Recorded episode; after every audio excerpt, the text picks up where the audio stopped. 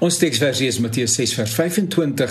Daarom sê ek vir julle, moet julle nie bekommer oor julle lewe, oor wat julle moet eet of drink nie, of oor julle liggaam, oor wat julle moet aantrek nie. Ons sê dit nie breed gehad toe ons kinders was nie. My pa het op die destydse spoorweë gewerk en my ma het kinders grootgemaak. Dis maar die manier waarop dinge toe gedoen was. Die refrein daar's nie geld nie was bekend in ons huis. Nou daar's altyd genoeg om te eet en klere om aan te trek en 'n dak oor ons kop. Kinders weet mos nie wanneer dit broekskeur gaan nie, maar die kans dat jy soms iets spesiaal wou sê, wou hê, uh, is begroet met die respons, maar daar is nie geld nie. Mens mors nie met jou kos nie. Jy gooi nie jou klere op die grond neer nie. Jy maak skoon agter jou want uh, benemens die feit dat dit doodgewone goeie maniere verteenwoordig was die refrein lewendig. Daar is nie geld vir 'n huiswerker nie alhoewel ons tog van tyd tot tyd iemand gehad het om aan by te sit en dalk tog wel die klere op te tel wat op die grond geland het.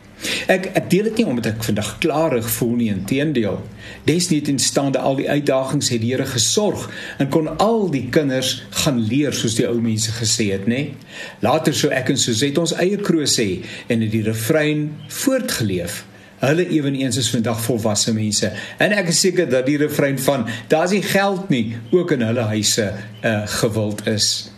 Die minister van Finansies se voordrag in die parlement rondom die middeltermyn begrotingsrede het my laat dink aan hierdie refrein. Wat hy opsommenderwys gesê het, ehm um, is eintlik niks anders as dit nie. Daar is nie geld nie. Die regering het bykans onoorbrugbare finansiële uitdagings wat meer is, hulle is grootliks daarvoor verantwoordelik.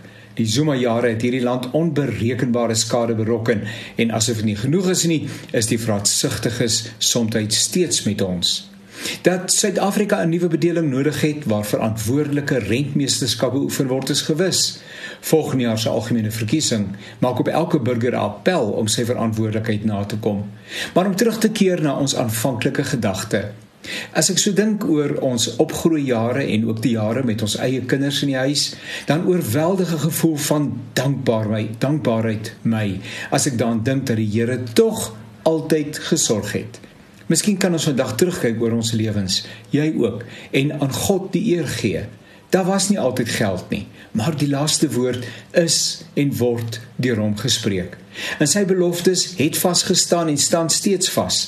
En uh ook julle wat vandag saam met my hierna luister en lees, kan waarskynlik dit getuig wat jou eie lewe betref het. Die Bybel sê immers vir ons in Psalm 34: Niemand wat sy vertroue in die Here stel, word teleurgestel nie.